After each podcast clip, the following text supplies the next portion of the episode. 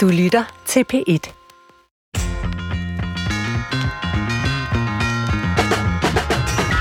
Forkælelse, frie rammer og kærlighed i lange baner. Den forestilling om bedsteforældre er jeg vokset op med.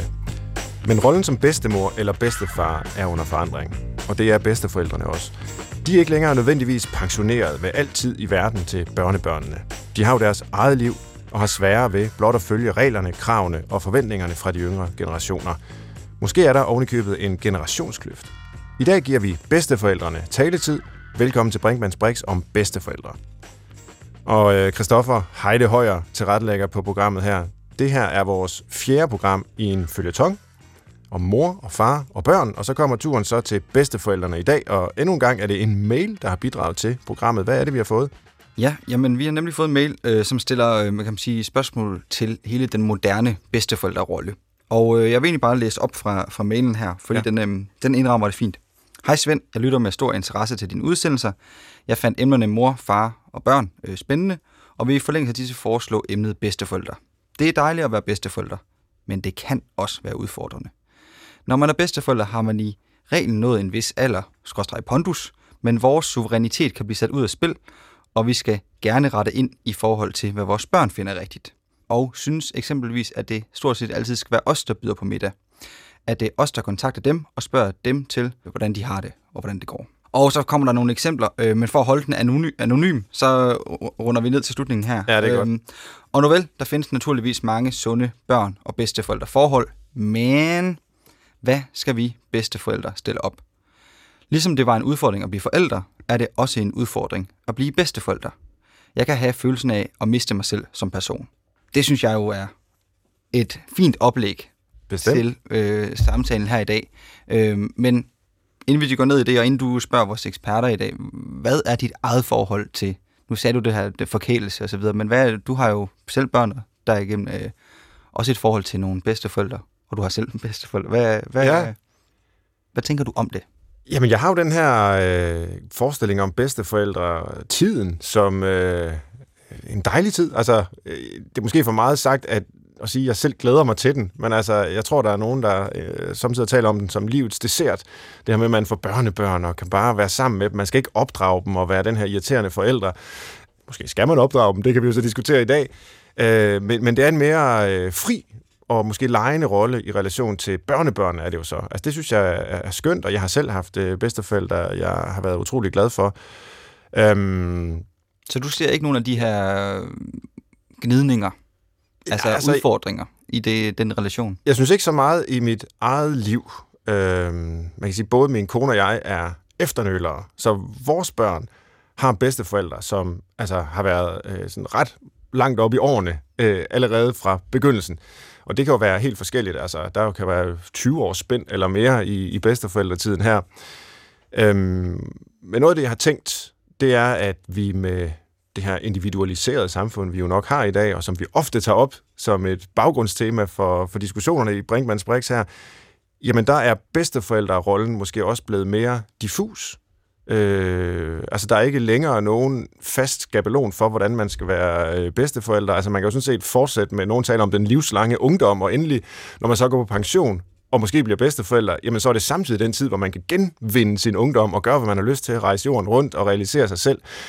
Hvordan er det forenligt med øh, andre forestillinger om det rette bedsteforældreliv, som øh, de her hyggelige gamle mennesker, der bare sidder og, og, og krammer børnebørnene og giver dem slik. Altså det, det, det, det må være svært faktisk at finde ud af, hvordan man skal øh, finde sig til rette i den rolle i dag. Jamen, er det ikke også lidt en naiv forskning, at bedsteforældre bare giver slik og er søde og jo, men, men det er jo et af de billeder, vi har på, på bedsteforældrerollen. Ikke? Altså når jeg selv begyndte med at sige, at jeg øh, på en vis måde glæder mig lidt til at blive bedstefar. Det lød meget så bliver det ikke engang. om du bare Jamen, så er det jo rosenrødt, ikke?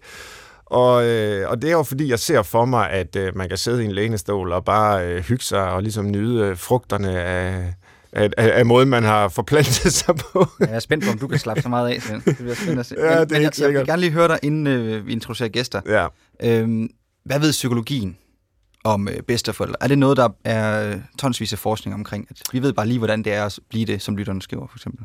Altså, jeg har tænkt igennem, hvad jeg selv er stødt på i løbet af min uddannelse, nu er det jo ikke et emne, jeg som sådan forsker i i dag, men, men, men jeg har jo en psykologiuddannelse bag mig, og jeg kan simpelthen ikke huske, at jeg nogensinde har læst noget som helst om, hvad det vil sige at være bedsteforældre, eller hvad den gode relation er mellem børnebørn og bedsteforældre. Altså, vi har jo masser af studier af familier, vi har masser af studier af forældre-barn-relationer, Øh, det er vel 99 ud af 100 mindst, der handler om det, og måske maksimalt 1 ud af 100, og det tror jeg ikke engang, det er. Jeg kan ikke komme i tanke om nogen, der har tematiseret øh, relationen mellem bedsteforældre og børnebørn. Så på en eller anden måde er det jo ukortlagt land, rent øh, videnskabeligt, samtidig med, at det er utrolig vigtigt. Altså, der er simpelthen så meget her, som øh, efter min mening i hvert fald trænger til at blive øh, diskuteret og undersøgt. Og det kan vi jo så gøre lidt i dag. Så velkommen til vores to gæster, der begge er bedsteforældre, men som bestemt også har en faglig baggrund, der gør, at I er meget relevante at have med her i Brinkmanns Brix i dag. Velkommen til dig, Lola Jensen. Tak. Du er familierådgiver, foredragsholder og øh, også et kendt ansigt for mange seere af Godmorgen Danmark. Tak fordi du er med. Og John Halse, også velkommen til dig. Du er psykolog og forfatter til en masse bøger og en kendt øh, ekspert øh, på de her områder, vi øh, taler om i dag. Og før vi går ned i øh, substansen, om jeg så må sige, så har jeg et lavpraktisk spørgsmål til jer, så vi ligesom kan få diskussionen i gang. Dig først, Lola. Mm. Hvad må jeres børnebørn ikke hjemme hos jer? De, oh, den var interessant. Den ja. kom fra en helt anden vinkel. øhm, jamen, øh, er der noget, de, de ikke må? Ja, det er der. Ja. De må ikke, men jeg er ret god til at sige, hvad de gerne må. Det er simpelthen min, min jeg er ekspert i at sige, hvad de gerne må. Så jeg tror faktisk, hvis du spurgte mine børnebørn, så vil de ikke vide, hvad de ikke må, men de ved okay. helt præcis, hvad de gerne må. Okay. Og så må de ikke, hvis jeg overordnet sådan tænker på det, så må de i hvert fald ikke noget, som de heller ikke må for forældrene. Altså det der med, at hvis jeg har fået et ønske fra forældrene om noget, hvor jeg skal sørge for, hvor meget slik de får, hvor meget kage de får, sengtider, hvad der nu er blevet kommer mere bestillingsarbejde til, eller bestillingsopgave til, hvordan jeg skal gøre det, så, øh, så følger jeg det simpelthen. Okay. Så følger jeg det. Ja, ja, fordi det er jo selvfølgelig derfor, jeg spørger, altså, øh, for at høre, om det adskiller sig fra, hvad de må i deres øh, hjem. Altså, det gør det. De så... Det kan det godt gøre. Det kan det, det godt? godt? Ja, det kan det bestemt godt okay. gøre. Helt bestemt. Hvis man må øh, hoppe i sengen, eller, eller der er en sofa, man gerne må noget med i deres eget hjem, så ved de godt, det ser anderledes ud med min sofa. Ja, det er ikke det sikkert, man må hoppe i den. Det er ikke sikkert, men Nej. de får ikke at vide, at de ikke må. De får at vide, at de skal stå på gulvet. Det, ja, det synes jeg er ja, rigtig det er jo et godt øh, opdragelsesprincip. Ja. Nå, men det lyder jo så øh, faktisk lidt som om, at øh, ja, det er måske forkert sagt, men at der er måske er færre ting, de må hos dig, end i deres hjem. Altså hvis de godt må hoppe i sengen derhjemme, men ikke hos jer, Nej, men altså, jeg, så, synes, det. jeg synes ikke, at der er den store forskel. Nej. Man skal komme i tanke om et eller andet, så er det sådan et eller andet med, at hvis jeg synes, at man for eksempel hos mig må man egentlig gerne rejse sig, når man er færdig med at spise, ikke? Altså fordi sådan en på tre år skal ikke sidde og vente i lang tid, mens vi spiser færdigt. Og der kan da godt være en svigerdatter, der er kommet ind og har syntes, at man skal blive siddende længere tid. Og så kan vi jo vende tilbage til, at det har der været nogle rigtig gode snak om, fordi det er godt at afstemme lidt forventninger. Men overordnet så skal jeg følge, hvis man skal sige pænt tak, hvis man skal lade være at bande, hvis man sådan nogle ting, så, så støtter jeg op om det. Ja. Nå, John Halse, nu har du haft lidt tid til at tænke over det, og kan måske gætte, at jeg vil stille samme spørgsmål det, til dig. Det har, det har jeg gættet. Øh, jeg vil sige, der er heller ikke så mange ting, de ikke må. Jeg, jeg kan umiddelbart komme i tanke om et sted, hvor jeg har været ja, absolut og kompromilløs. Det er, de må ikke spille frisbees med mine 30, 40, 50 år gamle, meget skattede vinyl LP'er. Det er fair der, nok. Der, det synes jeg. Der, der er lukket. Ja. Ellers så, så øh, tror jeg, ligesom Lola er inde på, de har nok ikke sådan store fornemmelser af, at der er noget, de må, henholdsvis ikke må, når de er hos os, øh, i forhold til, hvad de, hvad de må derhjemme. Der kan selvfølgelig godt komme nogle dilemmaer, kan man sige, noget uenighed øh, mellem vi bedsteforældre og så vores søn henholdsvis svigerdatter, som det er i øjeblikket, øh, om hvad de må og ikke må. Og der har vi prøvet sådan at finde nogle, nogle linjer med, at øh, der hvor de har nogle ting, jeg igen kunne man sige, de er kompromilløse på, at mm. vi vil ikke have, at de spiser lørdagsguf om onsdagen, mm. for eksempel. Ja, ja. Så følger vi det. Ja.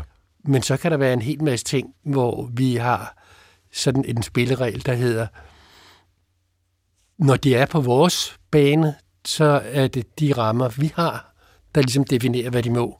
Og når de er derhjemme, så er det forældrenes rammer. Ja, men det lyder som om, I begge to øh, har tænkt over, at I så vidt det er muligt, egentlig skal være på linje med forældrenes ønsker. Og derfor markerer ja. jeg nu, ja. for jeg har virkelig et sted, hvor jeg har helt min egen ramme, og okay. den holder jeg så fast i, og det er med hensyn til teknikken.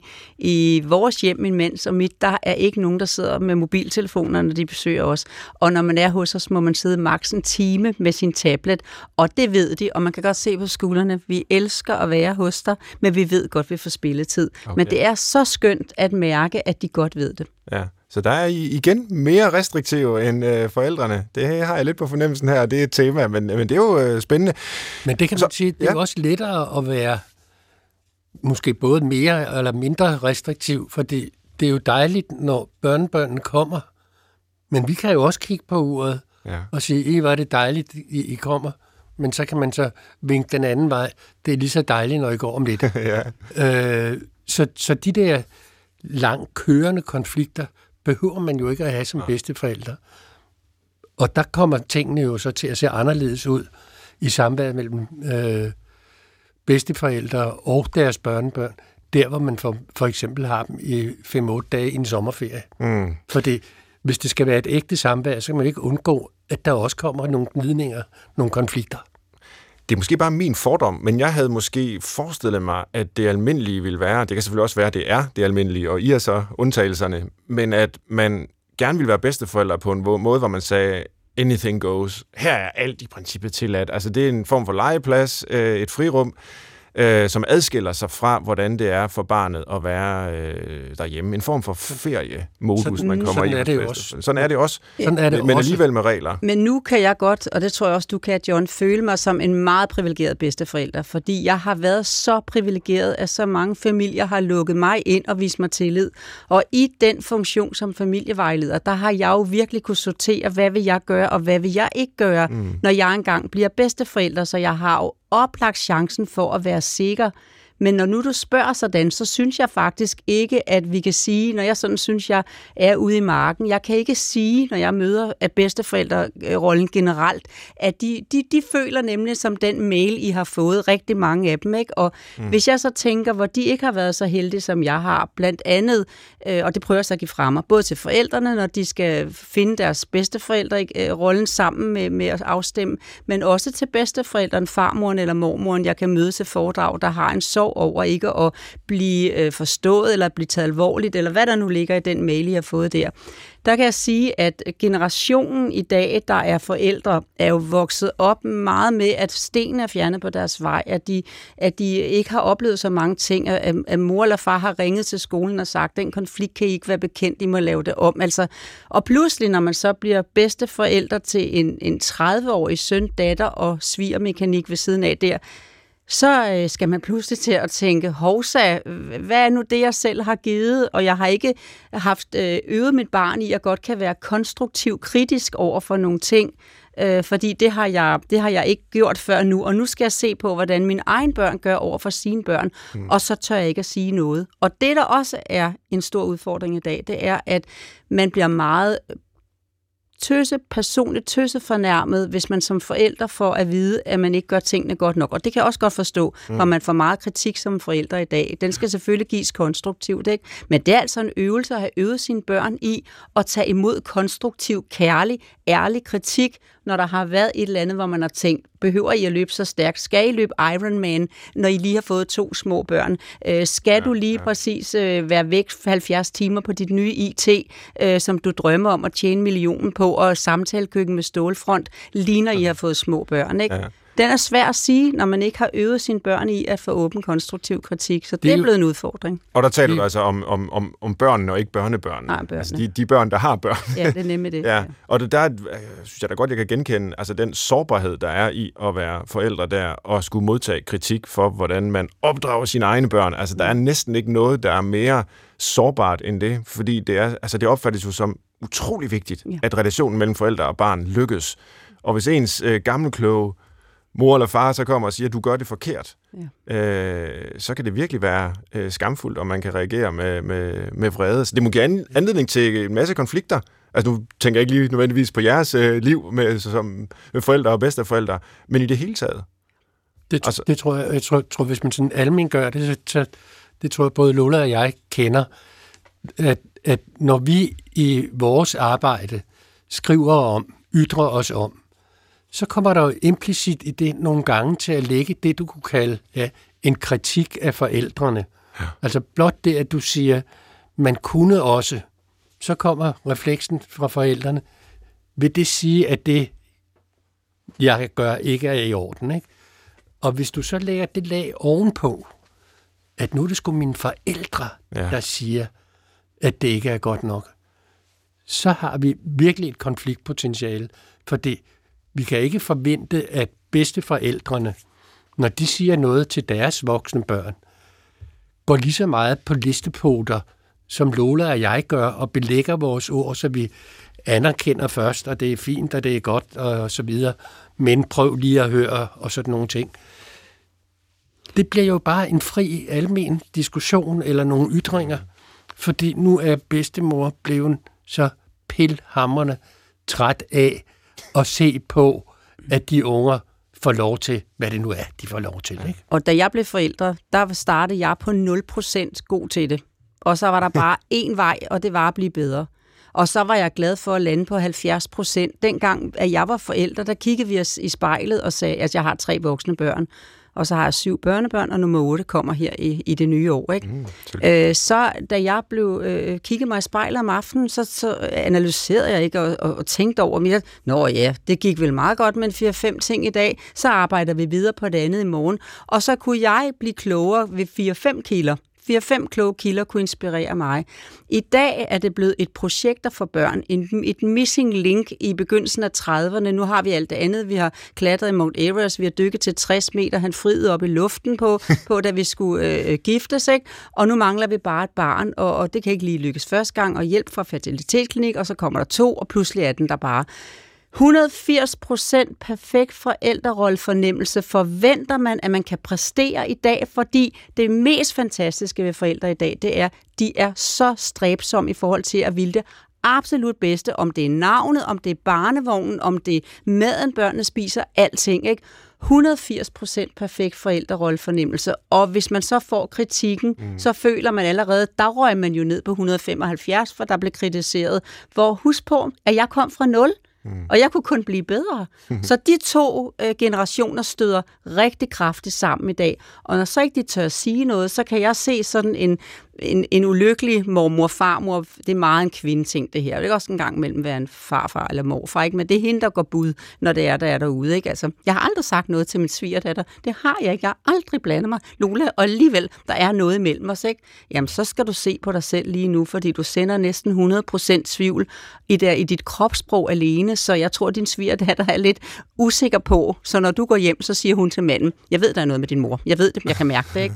Så der skal afstemmes nogle forventninger, der skal skal løsnes, der skal, vi skal fremad. Det er i morgen, det er ikke bagud, find fem fejl. Det er alt det, vi skal prøve at hjælpe frem i dag, for det ja. ligger lige for. De er så skønne alle sammen. De skal bare lige ud af den der.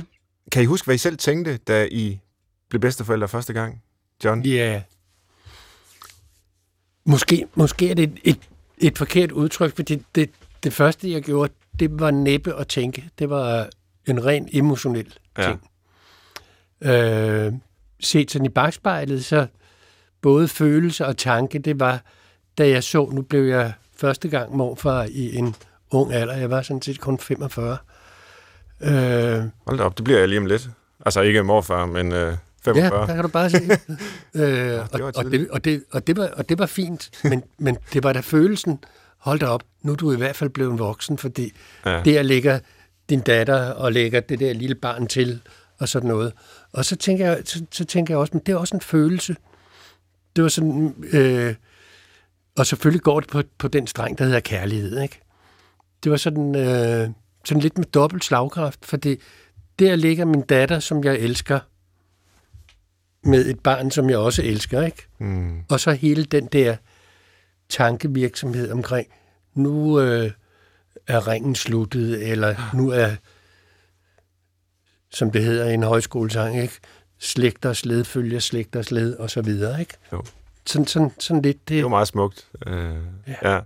Kan det sammenlignes med det at blive øh, forældre, eller, eller adskiller det sig? Ej, jeg, synes, altså, jeg vil sige, det, det at blive forældre var i hvert fald for mig noget helt enestående, ja. som man næsten ikke kan sætte ord på. Det andet kan jeg godt sætte ord på, selvom jeg bestemt vil sige, at det også er en stærk følelse. Og netop det der med at sætte ord på det, fordi at jeg kan huske, da jeg skulle være øh, bedsteforælder første gang, og min, min datter, øh, der var det egentlig mest hendes fødsel, og hun, de skulle komme rigtig godt igennem det, der var, jeg var optaget af. Det havde jeg jo selv prøvet, ikke? Men så kan jeg huske, åh, det der opreklamerede fis, netop som du sagde der med livets dessert. Jeg har ikke lavet andet end arbejde med børn hele livet. Lad os nu lige se, hvad der kommer ud af det her, ikke? Men hvis du spørger mine omgivelser i dag, altså, så, øhm, så netop, jeg tror netop, at det, der gør, at øh, jeg synes, at det at være bedsteforælder er, så jeg kan få tårer i øjnene, når jeg sidder, sidder her, en fantastisk gave, det er, at mm, den erfaring, som jeg ikke havde som forældre, hvor jeg bare sådan tog tingene, som de nu kunne komme, og gjorde lige det bedste, der lå for, at jeg har fået lov i dag at have den afstand til det tæt på, at jeg kan se, jamen jeg er dybt imponeret for hver af dem, der kommer alt det, de skal lære, alt det, de skal igennem. Den der ubetinget kærlighed fra et barn, hvor nemt det er at få den. Ikke? Og den fik jeg jo bare, fordi jeg var mor, og min mand fik den, fordi han var faren. I dag får jeg den, fordi jeg investerer og er klar over, at jeg har mulighed for at få den. Jeg er dybt imponeret. Jeg er fascineret. Jeg kan gå gennem ild og vand for mine børnebørn på den der kærlighedskonto, men den var der ikke lige, da, da hun fødte. Der var det bare men, hende, Men det var der, der med dit eget barn. Det var der nemlig med mit eget barn. Det var den med den med tankerne, der var ja, større nu. En pointe. Ja. ja. Så det kan i hvert fald være øh, en smuk og berigende oplevelse at blive øh, bedsteforældre, men det kan jo også være, som vi allerede har været lidt inde på, en øh, relation, der øh, er konfliktfyldt. Og hvis vi nu skal tage fat på det igen, så skal vi måske have øh, sådan klarlagt en lille smule, hvordan livet er for de unge, moderne familier, hvor børnebørnene jo vokser op. Og du har allerede været lidt inde på det, Lola. Altså, så det handler om øh, fart og tempo, det handler om nogle perfektionskrav, øh, og en, måske en bekymring, man øh, hurtigt kan få som forældre, der jo godt kan smitte af på børnene, øh, der med et fint ord kan internalisere det ja. på en øh, problematisk måde. Og det er jeg jo fuldstændig på linje med. Jeg har jo selv skrevet øh, bøger og artikler osv. om samfundsudviklingen, der på mange måder øh, fremhæver nogle af de samme aspekter. Men jeg kan alligevel ikke lade være med at tænke, og også være lidt selvkritisk og sige, jamen, når jeg så kigger rundt øh, på mine venner, for eksempel, som også har, har børn, altså, så er det måske ikke helt så dramatisk øh, dårligt at være menneske i dag og forældre i dag, som man nogle gange kan få indtryk af. Øh, Men det synes jeg, jeres øh, søde lytter, der har skrevet mailen, faktisk også skriver ja. for neden der, at der findes jo rigtig mange øh, søde og gode forhold, men hun kan bare mærke det, og hun kan jo for eksempel ja, ja. mærke det, hvis at bare det der med, at der er, øh, hvis ikke man har afstemt forventningerne, hvad jeg synes, der er rigtig vigtigt at komme ind på, så vil du jo få en opringning, mit barn er syg, vi skal have hjælp til, til sygdom, der er snotnæser. Øh, hvad gør du så selv som bedsteforælder, hvis du har en golfaftale, eller hvis du har nogle veninder, du gerne vil se, eller hvis du synes, det var den dag, du lige skulle gøre noget rent, du havde planlagt hjemme i dit, øh, i, i dit eget hus, vælger du så at være den der alt op, op, op, offrende, der bare slipper alt, hvad du har for at stå til rådighed? Vælger du den der midt imellem? Jeg har en anden plan i dag, men I skal selvfølgelig bare prøve at ringe igen, det er den, jeg holder af.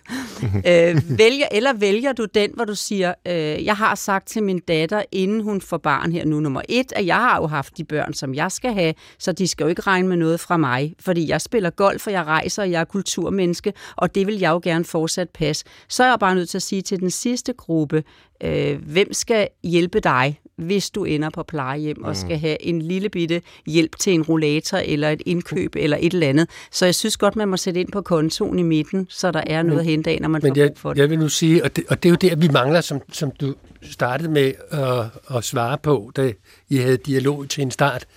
Hvad ved vi om det her, ikke? Ja. Øh, at, at vi ligesom kommer, kommer sådan lidt til kort, fordi vi ved ikke, hvor mange bedsteforældre der er, hvis man skulle til at kategorisere, mm. der er dem, der siger, no way, mm. jeg kører mit golfliv, eller dem, der er de totalt altruistiske, smider alt væk og opoffrer sig totalt eller dem i midten, eller hvad det er. Vi ved ikke, hvor mange der er. Så derfor bliver det jo sådan noget med, vi tror nok og sådan ja. noget, og der vil jeg da godt spille med på den. Jeg tror så ikke, at det er flertallet, der siger, som Lola sidst er inde på, der siger, jeg har haft de to eller tre børn, jeg skal have, så du skal ikke regne med mig. Det er der ikke mange, der gør. Nej. Men der er rigtig mange, der har svært ved at få det, at de også vil det. Nemlig have deres eget liv. Sammen med, at de også gerne vil være nogle deltagende, aktive bedsteforældre. Ikke? Og, og det er jo et dilemma, at, at man siger, jeg vil godt støtte jer, men nu skal I ikke komme for godt i gang. Ja. Fordi de forældre, som forældrene har, altså bedsteforældrene, de fleste af dem er jo ikke engang trådt ud af arbejdsmarkedet endnu. Nej, præcis. Men det er lidt interessant, hvis øh, man tænker videre i de baner, du var inde på, Lola, med, at, øh, at der måske er en form for kontrakt, eller bør være en kontrakt mellem generationerne, hvor, øh, hvor, hvor de bedsteforældre, som får børnebørn, jo også gerne vil have, at de kan regne med, at der er nogen for dem, når de er blevet altså, endnu ældre, og, øh, og, og, og måske gerne vil have nogle relationer.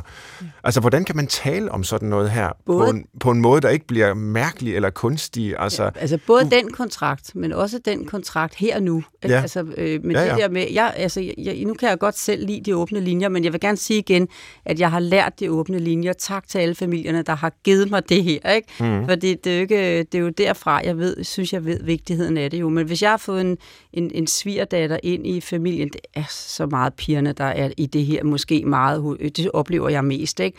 Men øh, så kan jeg også sige til dem, øh, nu har du forelsket dig i min, i min søn, men det er jo ikke sikkert, at du synes, at, at parken helt skulle have indholdt, at, at, at, at familievejlederen fra Godmorgen Danmark fulgte med, vel?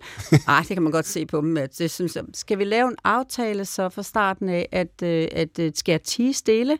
Om de ting, jeg kan tænke, eller skal jeg sige det højt? Jeg lover at prøve at gøre det på en respektfuld måde, og I behøver ikke at følge det. Og der har de jo fra starten af valgt, at jeg meget gerne må sige det. Sådan så, at, at jeg ved heller ikke, hvad jeg skulle have gjort, hvis jeg ikke havde fået lov til det. Heldigvis har jeg fået lov, ikke? Men, men så har jeg jo kun fået lov til at, at, at, at, at tale med dem om, at hvis det var, at, øh, at, at at de små ting, de købte klapvogne, som vendte væk fra små børn, og de gik med dem, ikke? og man kunne gå og tænke, Gud ved, hvordan de kan få en samtale med de børn, når de ikke kan se dem. Ikke? Og så kunne jeg få lov at gå og sige det til dem på en sådan kærlig måde, kan den måske vendes? Når så tror jeg, man sådan kan se, uden at være ironisk, uden at være sådan, så de skulle gætte sig til det, vel? Og det har de ikke tænkt på. Næste gang jeg så dem, så var den jo vendt, så de så det lille barns ansigt, og så har vi fået ryddet op, ikke? Og så har det været, som jeg synes, når jeg møder ude i marken, meget Øh, for mange sværere at blive, øh, når det nu skal være, så er det sværere for mange farforældre, end det er for morforældre, fordi at pigerne ved, hvordan det var, dengang de selv var børn. Når du spørger en mand, øh, hvordan var det, da du var barn? Jo, okay, jamen hvad du ved, sådan almindeligt, jamen, sådan du ved, som man nu har op, er vokset op. Og ja. så er hun ikke tilfreds, og hun kender, hvad de selv fik, så det har været lidt lettere for mange bedstemødre, når det er til pigens mm. side. Ikke? Men der skal simpelthen snakkes igennem, og vi skal følge det, de siger. Og lad være underkende, når de kommer med en 20, øh, en, et barn, der skal puttes i dag. Der kommer 20 punkter på, hvordan barnet skal puttes korrekt og bliver afleveret med 20 punkter. Mm. Det er det der, og så skal du gøre, så skal du give, og så skal du huske, og puden skal ligge og så videre. I stedet for at sige sådan, nu har jeg jo puttet tre børn selv, ikke? Altså, så, jeg ved jo godt, hvordan man putter sådan nogen. Du behøver ikke at sætte en seddel med til mig. Så vente om, ikke? Som vi to jo, John, og, og, og vi har muligheden for, fordi vi har øvet det ude sammen med familierne hvor er det nogle omhyggelige, grundige forældre, hvor er de børn altså heldige, de har jer. Mm, yeah. Og så bare følge de punkter, man selv synes, og lade være at smide hovedet på dem, når de kommer. Ja, jeg har jo ikke behøvet at følge halvdelen af punkterne, for jeg kunne det jo godt af mig selv sige, den liste gav mig god hjælp, tak for den. Ja. Og så have brede skuldre, det synes jeg, vi skal have. Men det er jo der, man så som bedsteforældre i virkeligheden kan lette det der tryk lidt for vores børn, ved at udtrykke også verbalt, klart og tydeligt sige, ved du hvad, skide hvad med det stykke papir, det klarer vi. Altså fordi man dermed er med til sådan at afdramatisere. Altså det kan godt være, at det er svært, det ved vi alle sammen, at få dem til at spise, få dem til at sove. Sådan. Så er det heller ikke værre vi er schaffen es. Ikke? Vi klarer det. Den er ikke god, John, til forældre, som synes, det er svært at putte børn. Altså, hvis man bare går en sådan en lille bitte smule med ind i det, er nænsomhed og omsorgsfuld. Øh, fordi nogle gange, når de har været hos mig, så har de spist og fået masser af mad, og så kan forældrene sidde og sige, ej, hvor er det svært at få dem til at spise aftensmad i øjeblikket. Ikke? Og så siger jeg med blødhed, ja, det er altid en udfordring, der passer til en vis alder. Sådan så jeg har svaret på en Ja, jeg kalder det fedt svar. Hvis jeg ved, hvis jeg siger til dem, øh, det kan jeg ikke forstå, I synes, det er jo bare det, de kommer i en periode, så opstår netop den der følelse af at blive underkendt i det, man selv synes er svært. Ikke? Men så kan de komme og spørge mig og sige, hvis nu, at vi har en fireårig, knap fireårig, der ikke vil sidde stille ved bordet, eller blive ved bordet, blive ved måltid, han render hele tiden, så skal han det ene, så skal han det andet. Hvad synes du, man kan gøre? Så prøver jeg at inspirere til, når jeg er ude i familierne, og inspirere til at sige, jamen, øh, I er da faktisk allerede godt på vej vej. Det er da ganske små ting, så er I der. Altså, jeg kan se, det der det er noget af det rigtige. Og hvis han så lige fik en kun besked frem for de 12, han har fået nu, så tror jeg, det ville være lettere at være ham. Så den sned ind på en kærlig måde, og så har man fået lov til at være med. Ikke? Kan vi prøve med et par konkrete situationer, og så får jeres indspark til dem. Øh, det er nogen, redaktionen har øh, udtænkt, men de er formentlig ret realistiske. Øh, det, I den ene, der forestiller vi os, at der er børnebørn på besøg. Det er ved at være sengetid, men børnene virker ikke trætte, og man kan se frem til en lang aften med børneputning. Hvad skal man så gøre, når forældrene har sagt meget tydeligt, at børnene her skal sove inden kl. 20, men det virker ikke realistisk? Hvad vil I gøre i den situation? Ja, for det, for det første vil jeg jo sige, og det tror jeg, jeg vil tage en, en god snak om på, på passende tidspunkt over et godt gammelt ordsprog, der hedder, man kan altid få nogen til at lukke øjnene, man kan ikke altid få dem til at sove. Nej. Altså det er noget af det mest hjernelamme at sige, sov nu. Ja. Vi kan prøve at få dem til at ligge, og så kan vi synge en sang, og så kan vi synge 30 mere og læse otte historier og sådan nogle ting. Og der tror jeg da, jeg vil, jeg vil sige, når så mine børn kommer og hentede deres børn, eller vi afleverer dem i morgen, eller sådan noget, det, det, blev, det blev nok lidt senere i går, fordi det lykkedes, det lykkedes ikke for os for det lykkedes, lykkedes ikke for os at få dem til at sove der klokken 8. Vi lagde dem selvfølgelig i seng til den tid, og kørte de der, fordi det er vigtigt med mindre børn. Vi kørte de der ritualer igennem, og helst i samme rækkefølge og sådan nogle ting. Det giver ro på. Børn elsker den der forudsigelighed. Men så må man melde tilbage til forældrene. Men de sover altså ikke lige på det der tidspunkt. Mm. Og hvad så, hvis forældrene siger, men åh, ej, hvor er det irriterende, fordi lige i dag, der skal vi jo afsted med børnene og have det her enormt lange arrangement øh, hele dagen, og der er ikke rigtig mulighed for middagsluren, så det er godt nok uheldigt, at de er så trætte nu resten af dagen. Ja, der, der vil jeg jo så øh, igen i den gode tone, men sagt her, der vil jeg jo give udtryk, give udtryk for, det er jo ret retrospektivt, det kender vi jo alle sammen. Ja.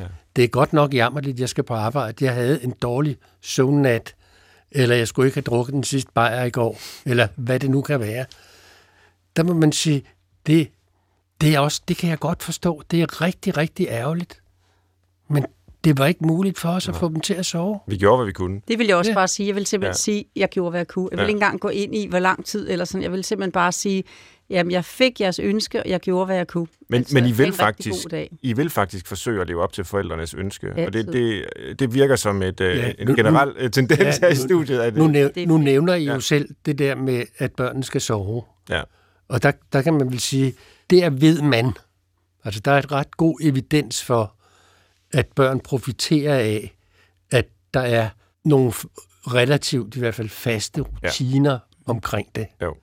Og de ved, når så, så har vi spist, og så spiller vi et spil, eller øh, læser en historie, så går vi ud og børster tænder og bliver vasket, og så får du en historie ind i sengen. Ja. Du må ikke bytte om på det.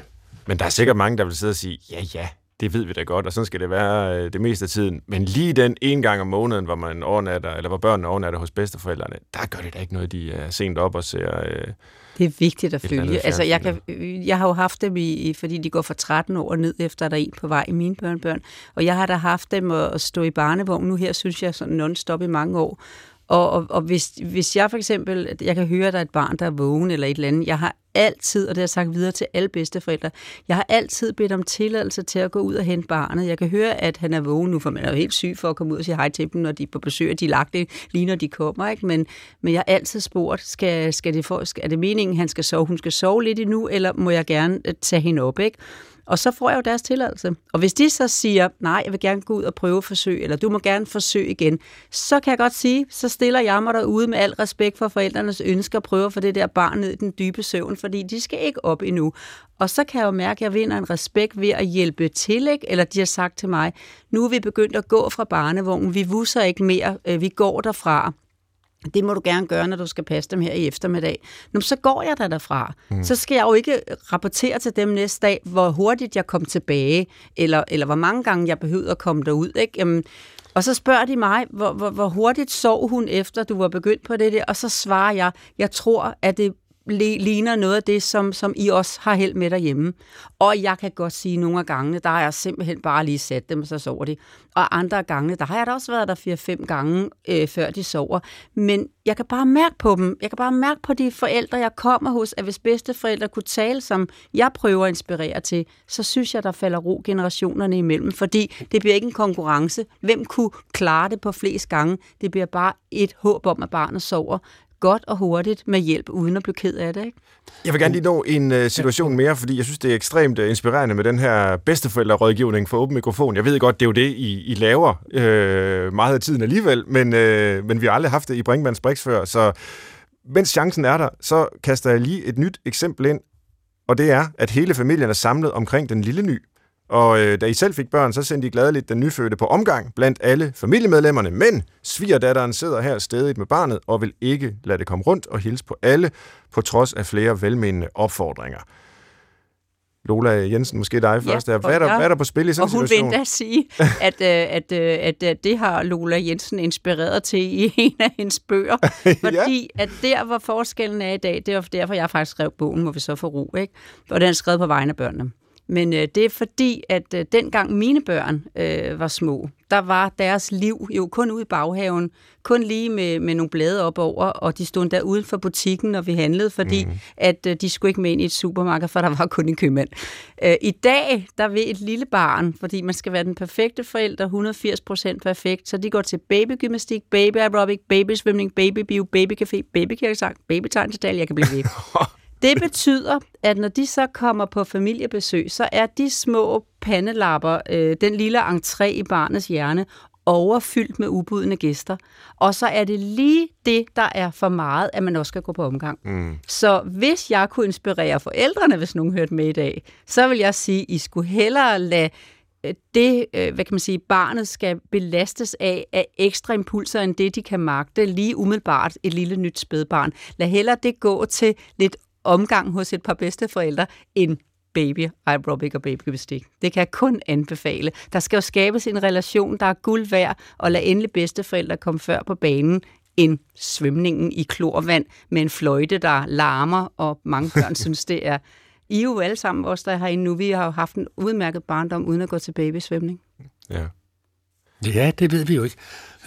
jeg synes det. Jeg synes det. Men, men altså, jeg, jeg tænker sådan, skarpt trukket op i, det dilemma, Svend, du, du trækker op der, der vil jeg sige, det er for mig indlysende, at det er mor, der helt suverænt bestemmer, mm. øh, hvad skal mit barn udsættes for af den slags. For det, det er jo ikke nogen det er jo ikke nogen vigtige ting. Det kan bero selvfølgelig på nogle familiekonventioner, at sådan gjorde min mormor og min oldemor og så videre. Ja, men nu, nu er det nye tider, og jeg ved for eksempel fordi det er der jo mange forældre, der gør, ved noget. De har jo læst sidst og pist både om det ene og det andet. Der bliver simpelthen, kunne man sige, fil overload op i det lille hoved. Mm. Øh, hvis alle vil se øh, lille Charlotte Amalie Pernille, Persille hedder hun måske, så kan vi sætte hende hen eller lægge hende hen i sofaen, så kan I defilere forbi. Ja. Men det er mor, der bestemmer. Jeg kan ikke lade være med at stille et spørgsmål om, altså, som, ja, nu er det lige en kontekst, hvor vi diskuterer, hvem skal have lov at holde barnet osv., men i virkeligheden er det jo øh, med meget bredere rækkevidde. Altså, hvor kulturbestemt er det her, og hvor historisk bestemt er det, Øh, og det er ikke noget, jeg ved ret meget om, men, men, men det kan jo konstateres, at man håndterer spædbørn og opdrager børn ganske forskelligt rundt omkring i verden. Og så har vi nogle teorier i lille individualistiske Danmark om, at det er forældrene, der ligesom skal have den helt afgørende og primære kontakt. Og selvfølgelig er forældrene vigtige i alle kulturer, men der er jo mange andre steder, hvor bedsteforældrene er inde over på en ja. helt anden måde, og hvor det vil være fuldstændig måske utænkeligt, at man ikke lod barnet gå rundt på omgang. Uh, mere anekdotisk skal jeg også huske, øh, da vi, vores ældste er nu 18, og vi tog ham med, hvor han var altså helt spæd, hvor jeg var i øh, Istanbul på en videnskabelig kongres, og min kone og lille barn var med. Og jeg kan huske bare, at vi, vi tog ud og spise om aftenen, og så kom tjenerne, og så stjal de mere eller mindre barnet og synes, det var fantastisk. Og det der barn gik nærmest på omgang i restauranten, og vi sad sådan, nej, nej, nej, nej, men fandt ud af, at det var helt almindeligt, og så kunne vi faktisk sidde og spise. Og jeg ved godt, det er en helt anden situation, end den, der er beskrevet i eksemplet, men alligevel, altså der er bare i for eksempel den her øh, tyrkiske kultur, en anden måde at, at håndtere sådan et barn på. Så mit, mit spørgsmål er lidt, hvor, altså, kan, kan det måske være beroligende at forstå, at øh, jamen, altså, børn kan faktisk holde til ganske meget, fordi rundt omkring i verden øh, går man til dem på vidt forskellige måder, og der kommer jo nogenlunde velfungerende børn ud af det øh, overalt i verden. At nu snakker vi ikke om steder, hvor der er borgerkrig og så videre, det, det, det er ikke det, men, men, men, men i sådan almindelige samfund. Men, men de har en større uro i dag i vores kultur. De har altså, spædbørnene har en større okay. uro, og der er simpelthen, når jeg kigger på dem, og det er der i hvert fald også lavet undersøgelser, som jeg har forsøgt, nu er jeg jo praktikeren, det husker I lige, at øh, det er mig, der, der jeg kan den praktiske del. Mm-hmm. Men det der med, at børn ikke, små børn ikke kunne blive stresset, det kan det jo faktisk ja. godt jo, har man så fundet ud af. Man troede lige, de skulle have emner at blive stresset over. Men jeg synes bare, det er rigtig vigtigt, at de bedste forældre, at det er moren, der bestemmer, faren, der bestemmer. Det er jeg helt enig med dig i, John. Men jeg synes, de skal bestemme sig for, at bedsteforældrene får en, en hurtigere mulighed for at komme på banen som den tredje og fjerde primære for de her børn. Fordi de er ikke ret gamle, de her børn, når det er rigtig dejligt, at man kan få en hjælpende hånd indenfor. Altså det har de jo brug for i dag, og der er det bare lige pludselig, når barnet er 14-15 måneder gamle, at forældrene råber hjælp, nu er han kommet i vuggestue, vi har ikke givet jer en chance for at være med undervejs, I kender ham næsten ikke, fordi vi har sagt, at vi skal nok selv. Øh, forældre i dag vil rigtig gerne, øh, og jeg al respekt for det, men opfinde den nye forældre hver gang. Mm. Altså som om, at der ikke kan bruges noget af det, der har været. Ja, præcis. Og, og det, det synes jeg er en fejl i, i jeg kunne, eller fejl, men det synes jeg godt, jeg kunne tænke mig at få ændret, at vi, at vi bruger det, der har været godt nok, og kombinerer det med ja. det nye, vi ved og så får noget større sikkerhed i det. Og med det, vi ved, der godt nok, kombineret med det nye, der synes jeg, at forældre, bedsteforældre skal have en større aktie på et, et tidspunkt i ro. Vi bedsteforældre, vi kan lave noget med de børn, som man ikke kan som forældre, fordi at det med at sidde med tusindbrikkers puslespil og perleplader og alt det her, jeg har prøvet her du rigtig meget, det er jo noget, som vi har tiden til, og vi giver lov til ved bordet, og det er ren terapi, mm. når der sidder sådan en pige på hver side og siger, er det ikke hyggeligt, at vi bare sidder her med perleplader? Yeah. Vil du finde lyserøde perler? Man tænker, ej, i går holdt jeg foredrag for 300 mennesker, i dag finder jeg lyserøde perler og vi kan mærke alle sammen, det er terapi. Ja. Og det kan vi give, fordi vi har roen og har erfaringen, og derfor så skal de børn kende os, og de skal gøre det tidligt. Jeg er jo på ingen men... måde familieekspert eller familierådgiver, men jeg får faktisk ekstremt mange henvendelser fra folk, øh, som spørger mig til råds, måske fordi jeg simpelthen er psykolog, og i, i, altså, hvordan skal vi øh, håndtere vores børn, og hvordan øh, får vi gode mennesker ud af dem, osv. Og, og i, i lang tid vidste jeg ikke, hvordan jeg skulle svare, også fordi det er jo sådan et ganske abstrakt spørgsmål. Men nu er jeg faktisk begyndt at skrive næsten det samme til dem alle sammen, Nemlig, jamen, prøv at tænke på, hvordan du selv havde det som barn, hvordan du selv er blevet opdraget. Altså, lidt inspireret af, hvad du fortæller, Lola, at jamen, der er jo faktisk akkumuleret viden om, øh, hvordan vi opdrager børn og, og danner mennesker øh, til at blive helt støbte, velfungerende voksne, ikke? Øh, det er klart, at hvis man vokser op i en dysfunktionel familie, så er det ikke det, man skal kopiere. Men hvis man er vokset op i en nogenlunde velfungerende familie, så kan man jo begynde med, når man er i tvivl om noget, at gøre ligesom sine forældre. Og hvis det så er utilstrækkeligt, ja, så kan man øh, købe en bog og læse noget mere og så videre, opsøge noget viden. Men måske simpelthen begynde med bygge det. Nedefra. Bygge nedefra. Bygge men, med det, der faktisk men, er en form for akkumuleret visdom hen over generationerne. Det, det tror jeg er vigtigt, og jeg tror, tror grundlæggende, at vi skal have næsten ført det ind som et paradigme omkring børn og børnefamilier. Det, det, det er, at jeg vil i hvert fald sige, at vi skal have skiftet kurs omkring den attitude, der har været stort set i alle de år, jeg har været med i det her, der går på melodien, alt det der gamle, det er noget lort, det skal ud. Mm.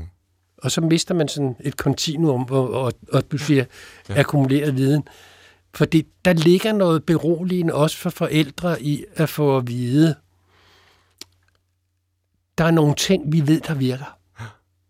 Fordi det har man gjort igennem generationer. Ligesom det er beroligende, det du var inde på før, at få at vide, der er jo andre kulturer, hvor man gør ting altså på den og den måde, fordi dermed bliver det jo også synligt, at det er ikke noget naturgivet. For eksempel er der jo masser af forældre, der er hammerne nervøse for, øh, om deres barn, altså jeg har fået masser af henvendelser, mit, tager mit barn skade af at sove sammen med os? Ja. Jamen der er, jeg ved ikke om der er hundredvis, men der er i hvert fald masser af kulturer, hvor det er sådan, det er. Ja. Og jeg plejer at berolige forældrene med at sige, tag det roligt, de flytter ud af soveværelset, når de kommer hjem med deres egen kæreste. det er man da og, da I, og da I lavede det her øh, op, oplæg til, at vi skulle komme her i dag, ikke, der var det simpelthen inde i mig det store ønske, at vi kunne være med, bare lige at starte op i hvert fald, også fire, der sidder her nu, at, øh, at, øh, at forældre og bedsteforældre igen kunne få den der øh, gode dialog, så at Øh, for den er ikke derude lige nu, sådan så at bedsteforældrene kunne få lov at sige de ting fra det gamle, som var godt nok, på en rar og kærlig, fremadrettet, inspirerende måde, fordi det vil komme til at gøre en forskel. Men hvis de siger det på den der måde, jeg kan ikke forstå, at jeg ikke kan få hende til at sove, at så kommer der måske enten denne her, ja, vi havde jo ikke nogen problemer med at putte dig, vel, men vi gav jo heller ikke op og ned og op og ned så mange gange, og der var, så er det jo en kritik. Hvorimod, hvis der kommer en anerkendelse til de her stakkels forældre i dag, som kæmper for at gøre det så godt, så godt, at de så kan mærke, du er rigtig, rigtig god i det, du gør. Jeg vil gerne inspirere dig til lige sådan et par små ting. Og det er lige den der lille, at man kan liste den sådan kærligt ind, at øh, man varmer op. Hver gang jeg har chancen for det, så det gør jeg også til forældrene, jeg arbejder sammen med som familievejleder. Hver gang jeg har chancen til mine børn og svigerbørn, et eller andet, jeg har set, så, så skriver jeg til dem, sender en sms, laver et eller andet. Du får lige et 12-tal. Du får lige en kram fra moren og et 12-tal fra familievejlederen. Det var så godt i dag. I skulle ikke have det, mens vi sad der, men hvor var I bare søde, da I sagde til ham, at han, så var han færdig med at spise. Bitte små ting, og man kan bare se, hvor dejligt de vokser er for det at vide. I, hvor det trænger. Det synes jeg, vi skulle håbe, vi kunne få ud af det i dag, men, at generationerne men der er, der er jo to, igen. Det handler jo om, nu er vi jo inde på den der kommunikative del, ikke? Der, der, der skal jo som bekendt den berømte, der skal, jo, der skal jo to til at danse den der tango. Og vi sidder her og snakker om, det er vigtigt, at forældrene siger, eller bedsteforældrene siger det på en god og anerkendende måde. Det er store udfordringer at stille til almindelige mennesker. Vi sidder her og snakker som fagpersoner.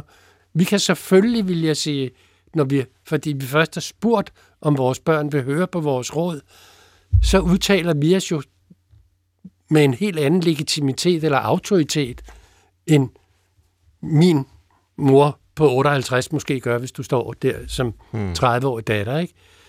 Og i den kommunikation ligger der jo sådan implicit lidt nogle angreb begge veje. Hvis jeg siger til min datter, nu siger jeg det kort, fordi sådan vil jeg ikke sige det, hvis man til sin datter siger, det er sgu ikke godt nok, så siger jeg selvfølgelig nogle ting til hende om, at det er ikke godt nok. Hvis hun siger til mig, ved du hvad, de der råd om, hvad du gjorde i forhold til mig, det kan jeg ikke bruge til noget. Så er det jo et angreb den anden vej. Mm. Aha, kan bedstemor så stå og sige, det var så ikke godt nok, det jeg gjorde. Men vi bliver nødt til at insistere på at prøve at påvirke de to parter. Det lyder så konfrontatorisk, når man siger de to parter, men forældrene, nu forældrene og bedsteforældrene, til at være i dialog med hinanden, til at prøve at forstå hinanden, og til ikke at være angribende, og ikke være invasive der synes jeg, vi skal være dem med de brede skuldre, John, fordi vi har været der før, og det er ikke vores børn, altså det er vores børnebørn. Jeg synes, at vi skal præstere og være de rummelige, og være dem, der forstår, og dem, der sådan trækker sig, når man godt kan mærke, så nu har du haft lige lidt for langt fremme, og så, og så kan, kan, kan hjælpe i, i, i det her lige nu, øh, i stedet for at være, at være gå begge veje. De er så sårbare derude lige nu, så de, de har brug for vores det ryk, hjælp til. Det rykker bare ingenting, hvis ikke begge parter er med til at føre en dialog. Jeg synes, jeg har hørt mange bedsteforældre komme tilbage, efter jeg har givet dem inspiration og sige til mig, Lola, det var lige det, at jeg sænkede min skulder, at jeg prøvede at lede efter mine børn og svigerbørns styrke frem for øh, deres fejl, der gjorde, at vi fandt hinanden igen. Det synes jeg virkelig, jeg får tilbage.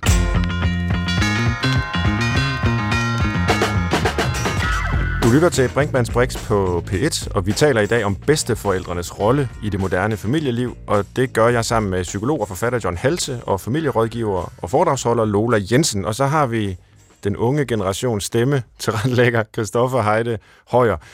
Vi er ved at nærme os afslutningen på programmet, men øh, hvad har du øh, hørt af det, vi har talt om? Hvad har du lyttet til? Hvad skal ja, hvad vi øh, tale om til sidst? Jamen, jeg, jeg vil faktisk godt lige kort vende tilbage til vores øh, lyttermail fra begyndelsen. Ja. Fordi der var det, der blev sagt det her med at miste sig selv. Øh, og jeg kan også godt, øh, som der lige blev, I var lidt inde på her, altså se den her, at der, der kan opstå en konflikt i det, øh, eller i hvert fald nogle udfordringer i det, at man skal kommunikere om, omkring sine øh, så børn, børnebørn.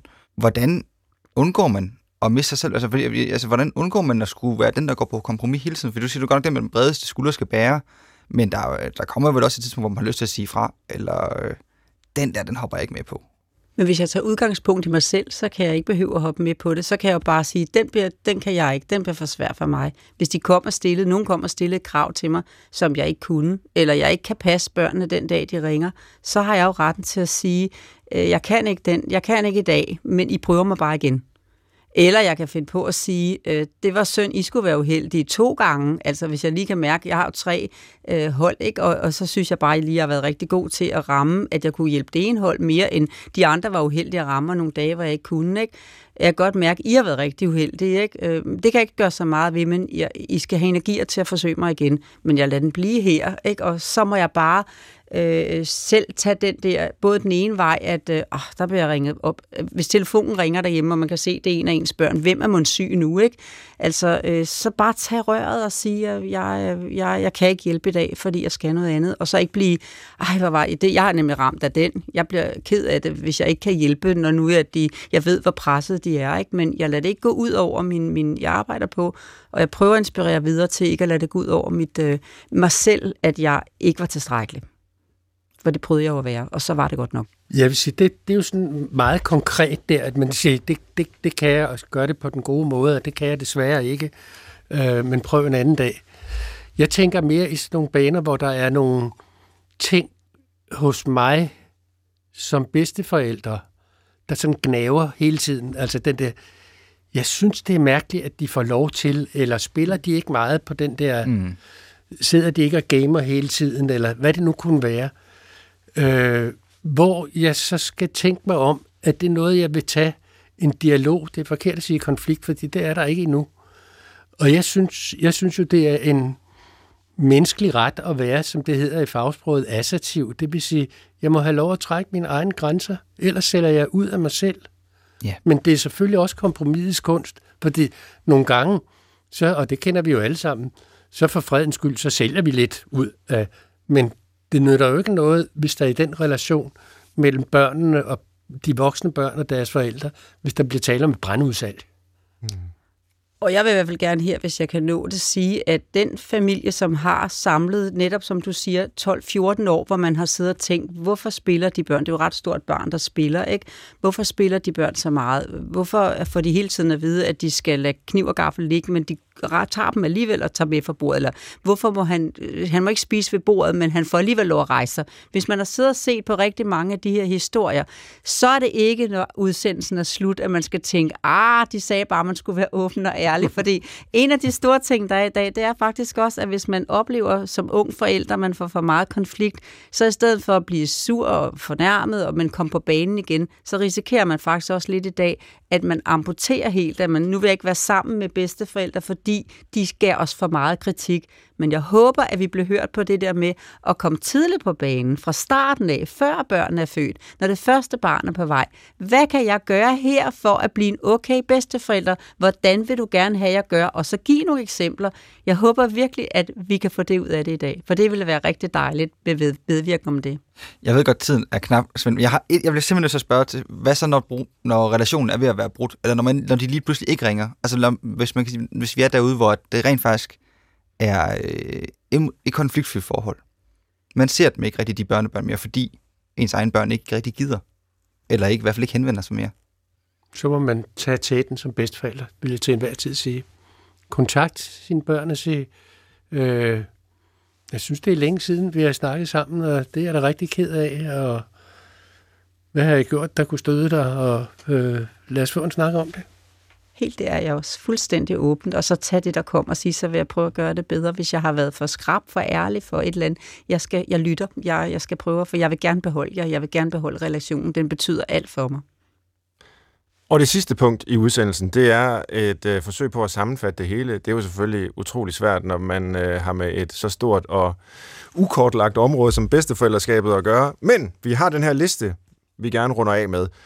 Og i dag så er opgaven, at vi, eller det bliver så primært øh, vores to eksperter her, skal formulere tre gode råd til at blive en rigtig dårlig bedsteforælder. Hmm. Sådan bliver du den dårligst mulige bedstefar eller bedstemor. Jeg skriver ned, og I kan bare øh, melde ind, hvis I har inputs. Jamen, jeg har tre. Ja, det ene, det. det er, hold dig væk, bliv så langt væk som muligt. Det ja. andet, det er, vær, vær så invasiv som muligt. Møv ja. dig ind på områder, der slet ikke kommer dig ved at gøre det så tit og så ofte. Og så skal man hyppigt og tydeligt sige, sådan gjorde jeg ikke. så, så, så tror jeg, at øh, man, som Christoffer var inde på før, så tror jeg, at man har spillet sig selv ud af banen ret hurtigt. Så hold dig væk, bland dig så meget som muligt, og sig hele tiden, sådan gjorde jeg ikke. Ja. ja. Ja, og jeg kan mærke, at jeg skal vende mig til, at det kommer den anden vej rundt, fordi I hører, fordi jeg sad lige, ej, jeg mener han da ikke. Jeg er så vant til, at det den anden vej, det foregår, ikke? Så ja. det er lige sådan her. Men det, jeg tænker meget, når jeg så skal supplere og finde på nogen, jeg fik lyst til at tage nogle andre nogen oveni, det er det der med, at øh, du skal i hvert fald tige helt stille, men samtidig sidde med dit kropssprog, hvor de alle ah. sammen i lokalet tænker, ja. hvad må hun tænker lige nu, når hun sidder der og analyserer vores umuligheder, ikke? Ja. Og, øh, og, og, og, den, den, og så Men synes jeg, ud af øjnene. Ja, totalt, ikke? Og så synes jeg simpelthen, at du skal være enormt kritisk, altså når du, når du siger noget til dine, til dine børn og svigerbørn, så skal du virkelig give dem kontant besked. Altså, det her, det kan ikke være mere håbløst. Er I klar over, hvor det her det ender henne? Og det er utroligt, at jeg har været med til, at I skal blive så håbløse. Altså virkelig sådan, øh, gå hen og kritisere dem. Og så tror jeg, hvis du så også blander dig i deres øh, parforhold og sidder og siger til dem, at øh, ja, jeg sagde det jo egentlig til dig, men hvorfor valgte du lige hende? Så tror jeg, den er ved at være der. Så, øh, så, øh, for det er da hendes skyld, at det går helt galt forældrerolle, så tror jeg godt, den er ved at være, at øh, man bliver jævet langt væk også med dine ting oveni. Det er godt. Tak for rådene. Lad os håbe, at ingen følger dem. Og også en stor og oprigtig tak til jer, familie, rådgiver og foredragsholder Lola Jensen og psykolog og forfatter John Halse, for at I ville være med. Til retlægger var Christoffer Heide Højer, og jeg var verden og hedder Svend Brinkmann.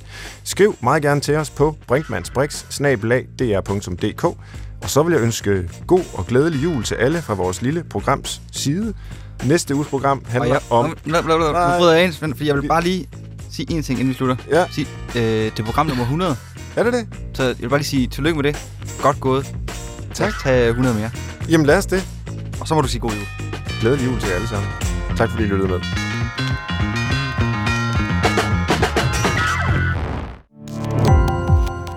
Gå på opdagelse i alle DR's podcast og radioprogrammer. I appen DR Lyd.